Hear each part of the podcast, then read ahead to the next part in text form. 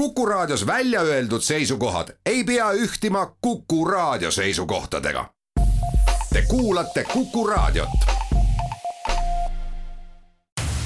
entsüklopeedia stuudios on Enn Eesmaa. tere teile kõigile. entsüklopeedia teabesarjas räägin täna teile pikemalt ühest maailmamainega mehest, kelle palju tsiteeritud arvamuse kohaselt võiks tahtmise korral kõiki inimesi lollitada mõnda aega. mõnda, koguni kogu aeg, kuid pole võimalik kõiki inimesi kogu aeg lollitada. seda tasub pea kõigil, mitte pelgalt poliitikuil kõrva taha panna meiegi ajal, mil anonüümselt resoluutseid jutumehi ning krõbedale sõnarelvale voli andvaid avalikke arvamusliidreid vaatab vastu igast ajalehest ja kanalist. mees, kellest tänase teabetunni teen, oli USA kuueteistkümnes president, kes ometi vaata, et esimesena meelde tuleb, kui räägime Ameerika Ühendriikide riigipeadest, keda täna ülistavalt kutsume vaba maailma liidriteks. see mees tegi palju ning osa ta legendist on seotud presidendi traagilise surmaga ühel etendusel Washingtoni linna Fordi teatris. ta oli esimene, kuid paraku mitte viimne USA mõrvatud riigipea. küllap juba aimate, et seekord meenutame Abraham Lincolni. temast on kümneid laule ja lugusid loodud. täna kuulete neist mõningaid. alustab kantrikuulsus Johnny Horton.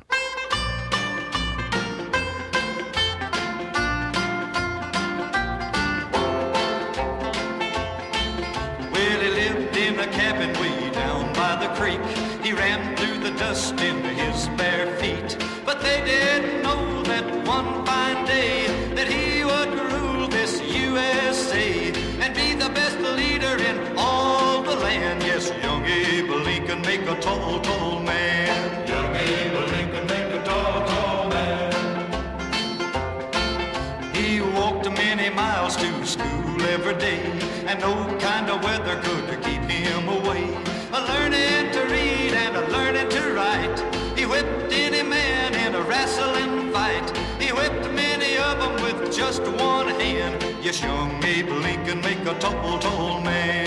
Young Abe Lincoln make a tall, tall man. Now he was admitted to the lawyer's bar. People seeked his help from near and far. He could talk a country mile in an old courtroom, make a man laugh whose life was doomed. He out-talked Douglas or Fancy Dan. Yes, young Abe Lincoln make a tall, tall man.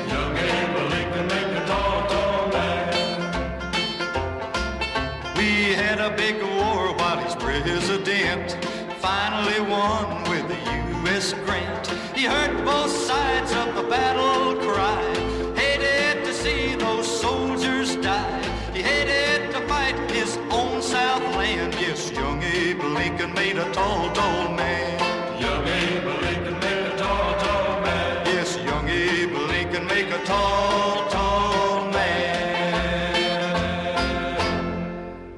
see oli laul noorest Abe Lincolnist. küllap panite tähele, et Johnny Horton laulis nii Lincolni pikkusest kui ka tulevase riigimehe maadlusharrastusest. räägitakse, et see tegelikult ju üsna kitsakas, vibalik mees olla vaid ühe korra elus oma vastasele maadlusmatil alla jäänud. vean kihla, et see juhtus siis, kui Lincoln polnud veel riigipea ning sõjavägede ülemjuhataja. meeleldi olen nõus kihlveduga kaotama, sest kõik tõsised uurijad on meenutanud Lincolni kui üdini ausat meest. tema ajal maadles kogu riik alles orjandusega ning Lincolni saatuseks oli sellele karjuvale ebaõiglusele seadusandlik piir panna. selleni oli veel aega, sest enam-vähem kõiki rahuldavat lahendust oli isegi sõnaosaval Lincolnil raske välja pakkuda, kuid sellest räägin pikemalt pisut hiljem. nüüd aga meenutagem, mis oli varem. väike Abraham nägi ilmavalgust veebruaris tuhat kaheksasada üheksa, siis üsna täpselt kahesaja viieteistkümne aasta eest Kentucky osariigi Hardini maakonnas. ta isa Thomas oli puusepp, ema Nancy puusepa naine, kodukolde hoidja ning laste ema. Abraham sündis teisena. usutunnistuselt olid Lincolnid baptistid. erinevatel põhjustel kolis perekond üsna tihti. mõnda aega elati Indianas. New Salemi linnakeses püüdis Lincoln poepidajana läbi lüüa. paraku see ei õnnestunud, kolm kuud oli noor Lincoln ka sõdur, kuid lahingutest indiaanlastega ta osa ei võtnud. kuni esimese presidendi ametini oli Abraham Lincolni kodune aadress Illinois osariik Sangamoni maakond. tõus riigipeaks algas Illinois üldassambleest, mille liige Lincoln Viigide parteid esindades oli aastast tuhat kaheksasada kolmkümmend neli. samasse erakonda oli kuulunud ka Abrahami isa kinomiidas Steven Spielberg tellis oma suurfilmi Lincoln muusika filmimaailma suurkujult John Williamsilt. tema heli pildistas isa ja poja teema kaks Oscarit võitnud eepilises ekraaniloos Nii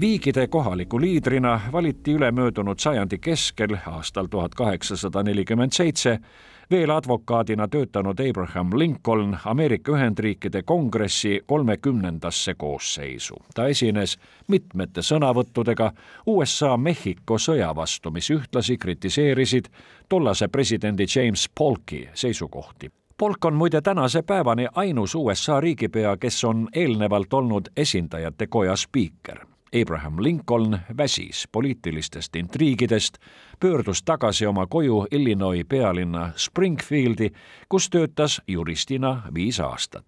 seal teda hakatigi kutsuma ausaks Abe'iks oleks aga võinud kutsuda ka leiutaja Abe'iks, sest Abraham Lincoln on tänaseni ainus USA president, kelle leiutisele on välja antud patenditunnistus. ta ise töötas mõne aasta juristina Patendiametis ning teadis täpselt, kuidas patente välja antakse. Ta oma käega tehtud joonis kaadervärgist, millele patent anti, on tänaseni säilinud ning seda saab näha Washingtonis USA riiklikus muuseumide ja uurimisasutuste keskuses, mida teatakse Smithsonian Institutioni nime all.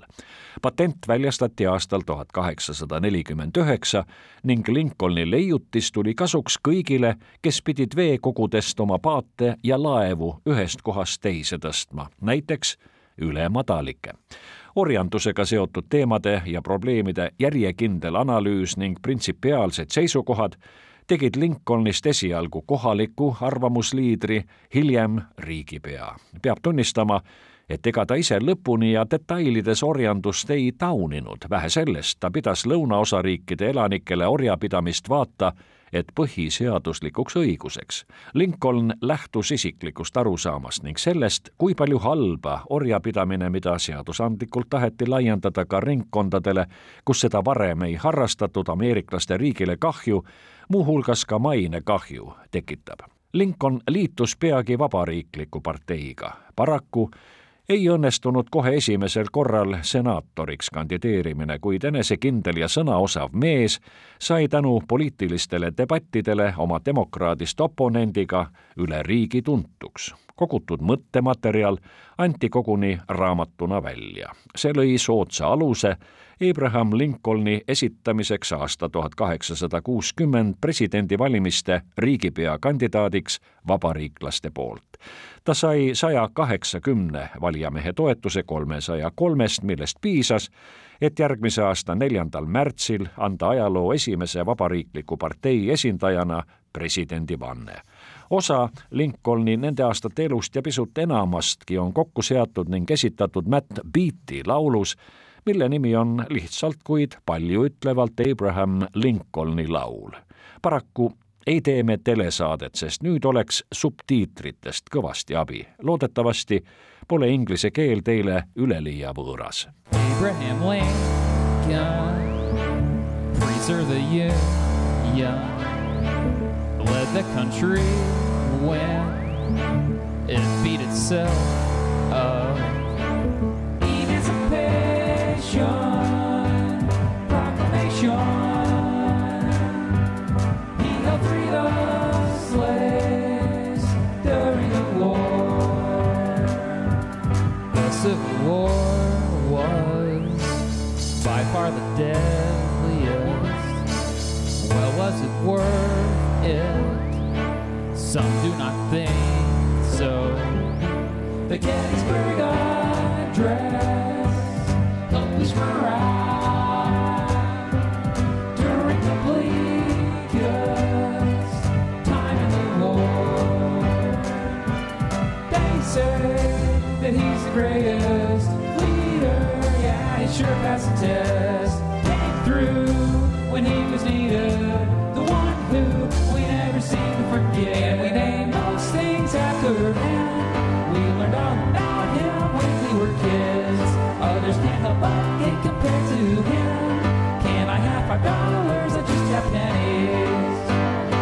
Six foot four and wore a big top hat.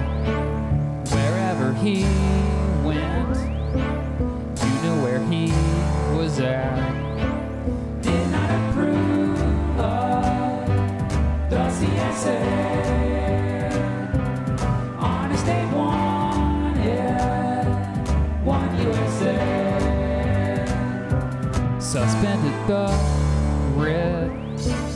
of habeas corpus.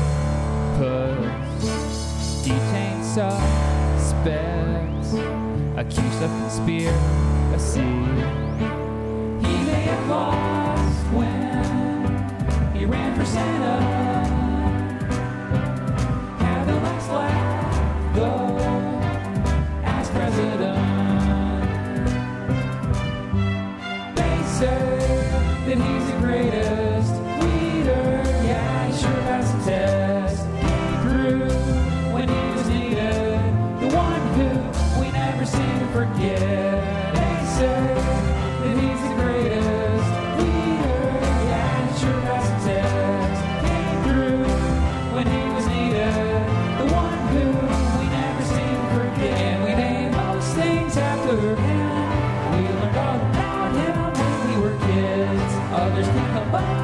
To.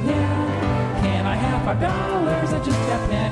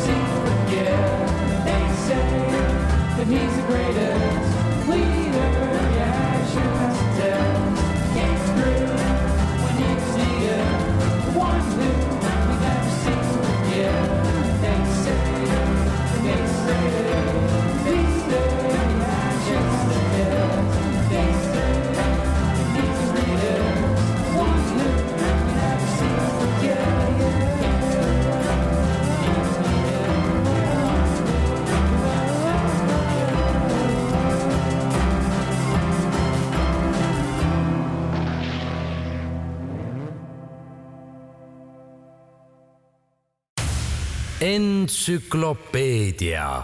stuudios on Enn Eesmaa. Abraham Lincolni presidendiaastad olid ta riigile keeruline, et mitte öelda üliraske aeg. Ameerika Ühendriikidest olid otsustanud eralduda Lõuna-Carolina, Mississippi, Florida, Alabama, Georgia, Louisiana ja Texas. Need osariigid olid moodustanud Ameerika riikide konföderatsiooni, mida tuli tahes-tahtmata võtta uue riigina Ameerika pinnal. Vaevalt kuu pärast presidendi ametisse asumist algas Ameerika kodusõda. konföderatsiooniga liitusid veel neli osariiki. algas neli ränkrasket aastat väldanud sõda, mille juhtimise kohustust ja vastutuse koormat kandis Abraham Lincoln alates märtsist tuhat kaheksasada kuuskümmend kaks ka sõjavägede ülemjuhatajana president muutis oma seniseid arusaamu ning kuulutas vabaks konföderatsiooni kuulunud orjad.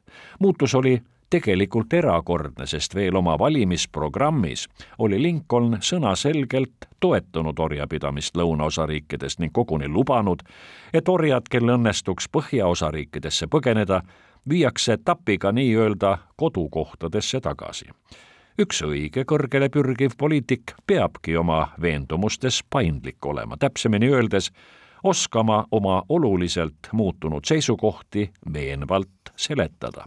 ometi annab Lincolnile ta veendumuste muutmise kiiruse ja põhjalikkuse tõttu võrdväärset tipp-poliitikut leida. Õnneks oli ta õigel teel. Lincoln aga suutis veelgi kaugemale minna. järk-järgult lähenes Lincoln kogu riigis orjanduse kaotanud deklaratsioonile, mis vormistati aastal tuhat kaheksasada kuuskümmend neli USA põhiseaduse kolmeteistkümnenda parandusena. Loomulikult polnud need ideed kõigile meelepärased. Lincolni kritiseerijate vast leebeim arvamus temast oli, et tegemist on sinisilmse unistajaga. selle kohta kirjutas Lincolni kaasaegne Stephen Foster koguni samanimelise laulu, kuigi võimalik, et mitte pelgalt presidenti kõrvas ja silmas pidades. seda enam, et Lincolni välimust pole kunagi eriti keegi nii väga kiitnud. see mees oli sisemiselt kena. plaadile laulis imelise unistaja Al Grant. Beautiful dreamer, wake unto me. Starlight and dewdrops are waiting for thee. Sounds of the rude world heard in the day, lulled by the moonlight, have all passed away. Beautiful dreamer, queen of my song, list while I woo thee with soft melody. Gone are the cares of life's busy throng. Beauty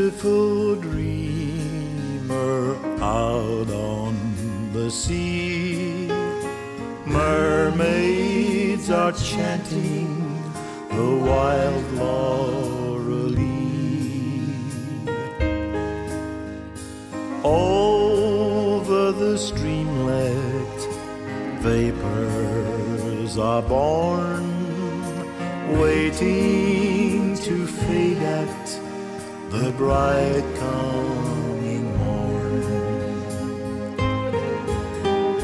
Beautiful dreamer, beam on my heart. Keen as the morn on the streamlet and sea. Then will all clouds of sorrow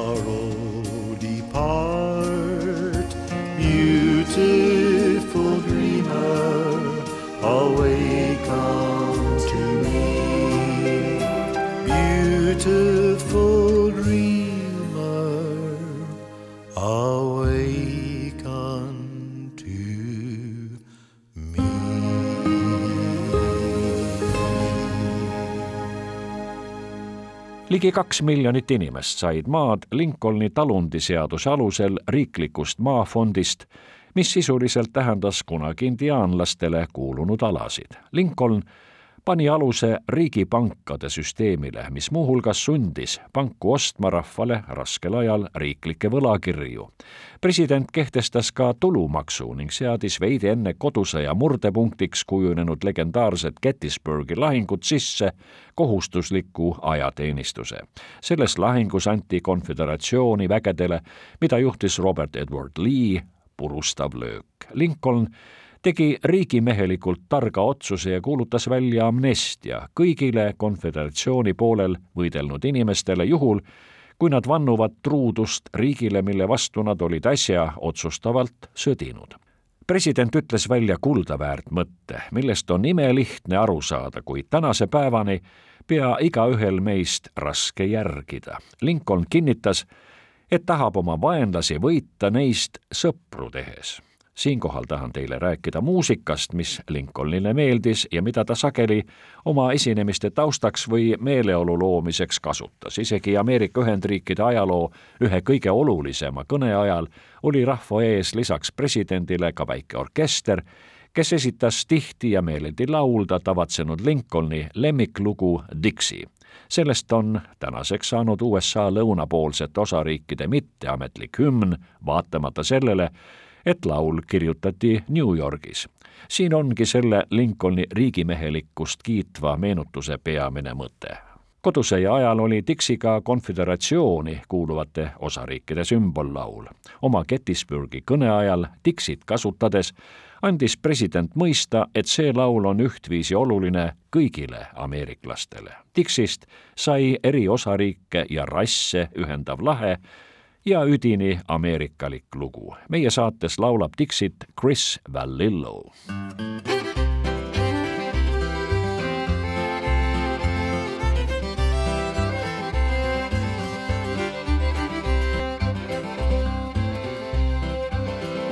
Oh, I wish I was in the land of cotton. Old times there are not forgotten. Look away, look away, look away, Dixieland.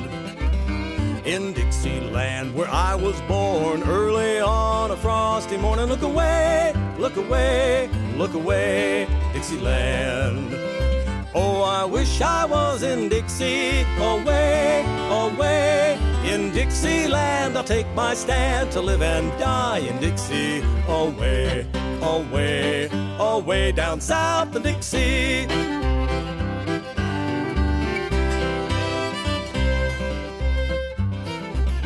Old Mrs. married Will the Weaver. Will he was a gay deceiver. Look away, look away, look away, Dixieland. And when he put his arms around her, he looked fierce like a 40 pounder. Look away, look away, look away, Dixieland. Oh, I wish I was in Dixie, away, away. In Dixieland, I'll take my stand to live and die in Dixie, away, away, away down south in Dixie.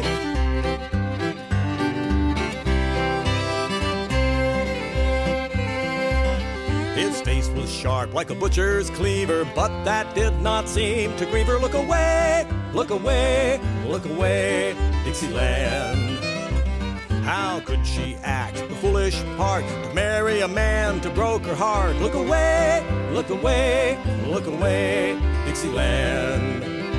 Oh, I wish I was in Dixie, away, away. In Dixieland, I'll take my stand to live and die in Dixie, away, away, away down south in Dixie, away, away, away down south in Dixie.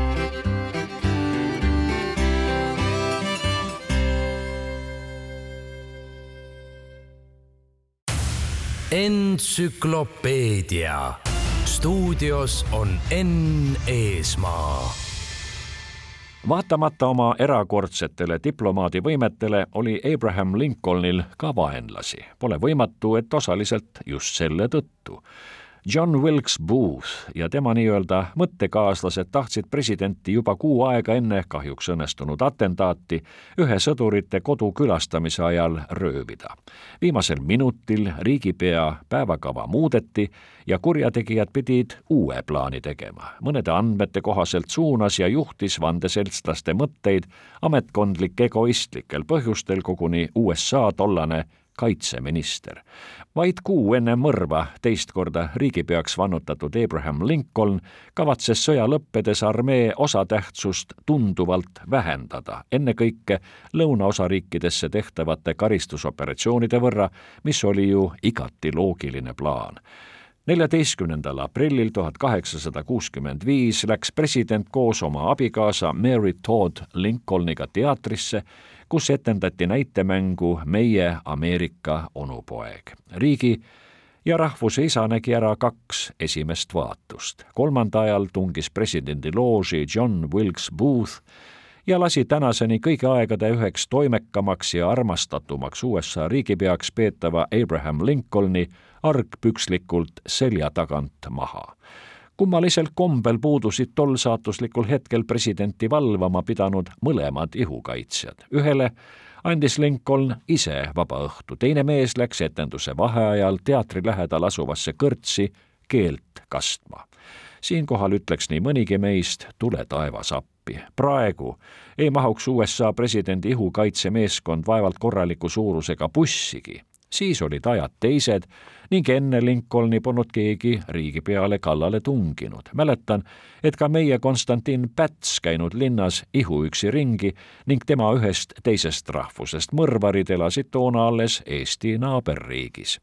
mul on kasutada leinamarss, mis tuli esitusele Abraham Lincolni matusepäeval, üheksateistkümnendal aprillil tuhat kaheksasada kuuskümmend viis ilm olnud sel kurval päeval päikeseline ja pilvitu. terve riik ja pea kogu rahvas aga leinas. USA mereväe orkestri esituses kõlas kindralmajor John Gross Barnardi poolt äsja loodud president Lincolni matusemarss.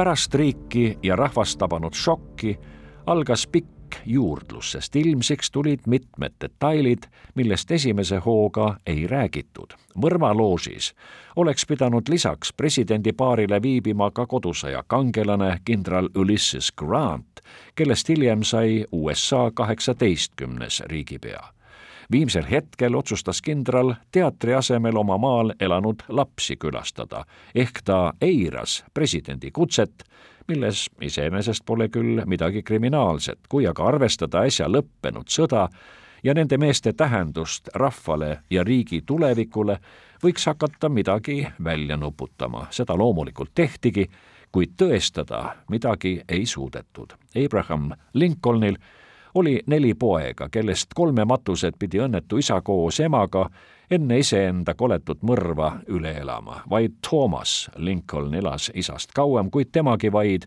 kuue aasta võrra.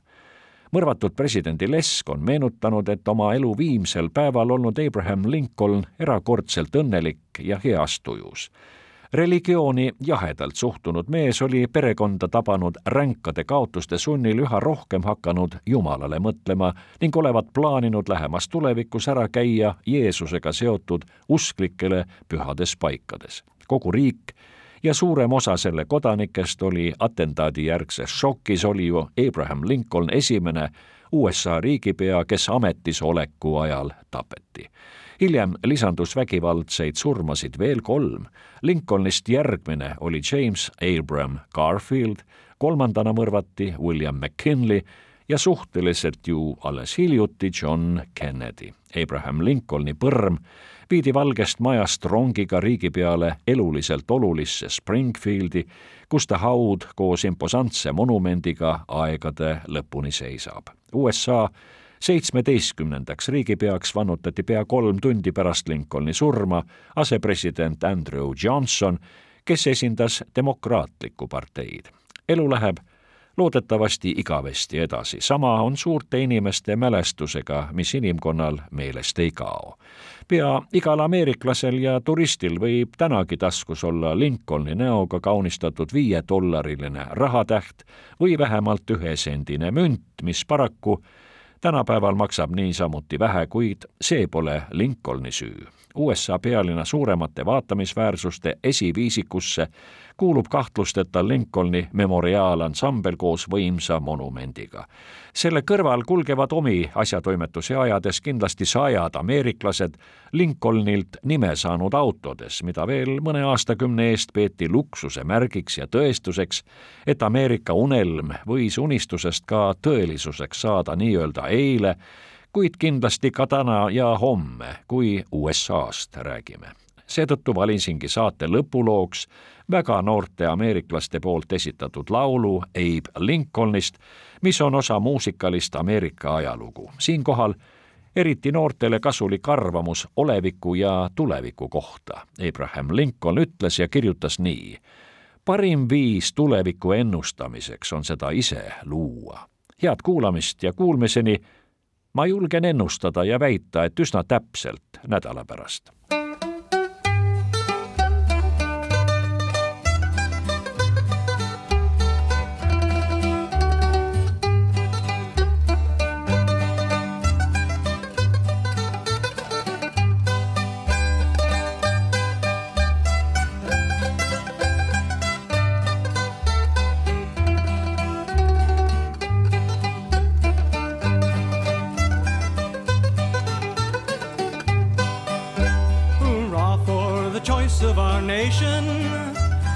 chieftain so brave and so true. We'll go for the great Reformation, for Lincoln and liberty too. We'll go for the son of Kentucky, the hero of Hoosierdom through. The pride of the suckers so lucky, for Lincoln and liberty too. Our David's good sling is unerring the slave Okarat giant he slew. Oh, shout for the freedom preferring, for Lincoln and liberty too. We'll go for the son of Kentucky, the hero of Hoosierdom through. The pride of the suckers so lucky,